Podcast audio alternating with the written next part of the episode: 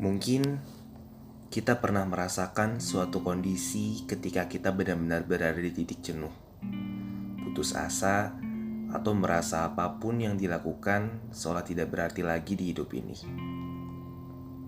Saat kita mengatakan hal tersebut, kita sedang menyerah dari segala impian yang kita perjuangkan dengan bahasa yang dikupas dan menjadi lebih lembut. Saudaraku, ingatlah keberadaan kita mungkin saja menjadi alasan bagi orang lain untuk terus berjuang. Saat kita berhenti, merasa segala hal tiada berarti, ternyata banyak orang di luar sana menginginkan posisi seperti kita dan menanti sesuatu yang dapat kita lakukan untuk mereka. Esok, mungkin kita akan menyesali apa yang terjadi hari ini.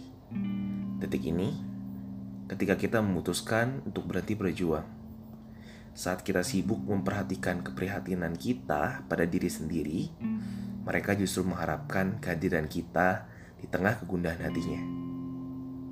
Kita akan meratapi kegagalan dan tangisan atas kepergian mereka ketika satu persatu mulai meninggalkan kita.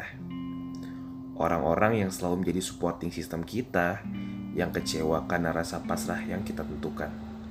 Hari ini, kita belajar untuk berterima kasih pada orang-orang yang menunggu karya beserta misi besar kita yang menjadi alasan hidupnya.